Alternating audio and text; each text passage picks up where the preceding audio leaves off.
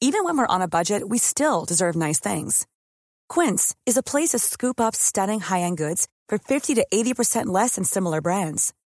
They have buttery soft cashmere sweaters starting at $50, luxurious Italian leather bags, and so much more.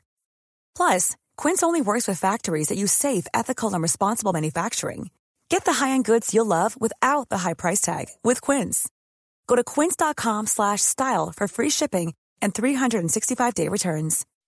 When you make decisions for your company, you look for the no-brainers. If you have a lot of mailing to do, stamps.com is the ultimate no-brainer. Use the stamps.com mobile app to mail everything you need to keep your business running with up to 89% off USPS and UPS. Make the same no-brainer decision as over 1 million other businesses with stamps.com. Use code PROGRAM for a special offer. That's stamps.com, code PROGRAM. Velkommen til aksjepraten her i Finansavisen.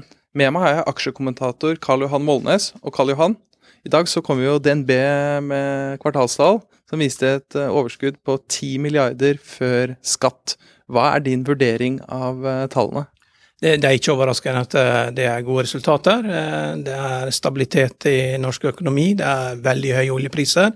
Og de bestemmer stort sett omtrent hva de skal, hvordan de resultatene skal se ut, med de tapsoppsetningene de gjør. Så det er ingen overraskelse at det er sterke tall. Vi må også ta og snakke litt om Nordic Semiconductor i dag, som leverte både en omsetning og en inntjening på linje med forventningene. Men aksjene er ganske kraftig ned. Hvorfor det? Ja, jeg hørte så vidt på, eh, på webcasten, og det er jo to ting som dras fram eh, fra kommentatorene. Det er, eh, det er en to tredjedeler av salget er til konsumenter, hvor det forventes en svekkelse. Og at selskapet sjøl legger vekt på at det er komponentmangel og det har vært nok til å sende aksjene ned med 6 eh, eh, i morgentimene. Nordic Semiconductor er en litt interessant aksje, for det er en av de få aksjene hvor nordmenn til det styrer aksjekursutviklinga, mens for de fleste andre så er det utlendingers bevegelser inn og ut av aksjene som eh, bestemmer kursene. En annen aksje vi må snakke om i dag, er Aker BP, som la frem en handelsoppdatering. Er det noe interessant i den? Ja, det er alltid interessant når et selskap legger fram tallene, og det er litt lavere volumer, men vesentlig høyere priser. og Nå kommer jo Lundin og blir konsolidert inn i tallene fra eh, andre halvår. og det, det, mest spesielle er jo at selskapet selskap rapporterer om en effektiv skattesats på mellom 80 til 85% på de høye prisene. Så nok en gang viser jo det seg det at eh, staten tar jo prisrisikoen og blir jo, er jo den som tjener aller mest på oljesektoren her. Så det er, eh, dette er jo penger som går til oljefondet eh, og til, til skattemyndighetene, så det er jo, det er jo veldig, veldig solide tall for, for staten, da. Så til slutt så må vi innom Equinor, som har gjort et oppkjøp i USA. Hva er det de har kjøpt? Ja, De har kjøpt eh, eh et selskap som holder på med batteriparker, og de skal bruke det til å linke det opp mot eh, havvind. Og Det er jo interessant, for hvis du lykkes med noe i USA, så må jo det være konkurransedyktig.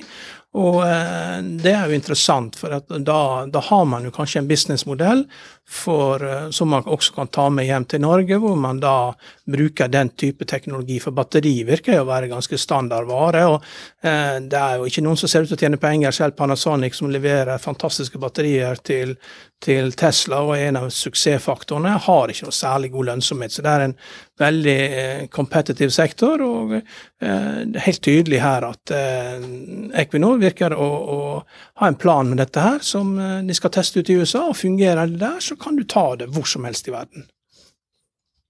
Og Vil du lese mer om aksjemarkedet, gå inn på finansavisen.no.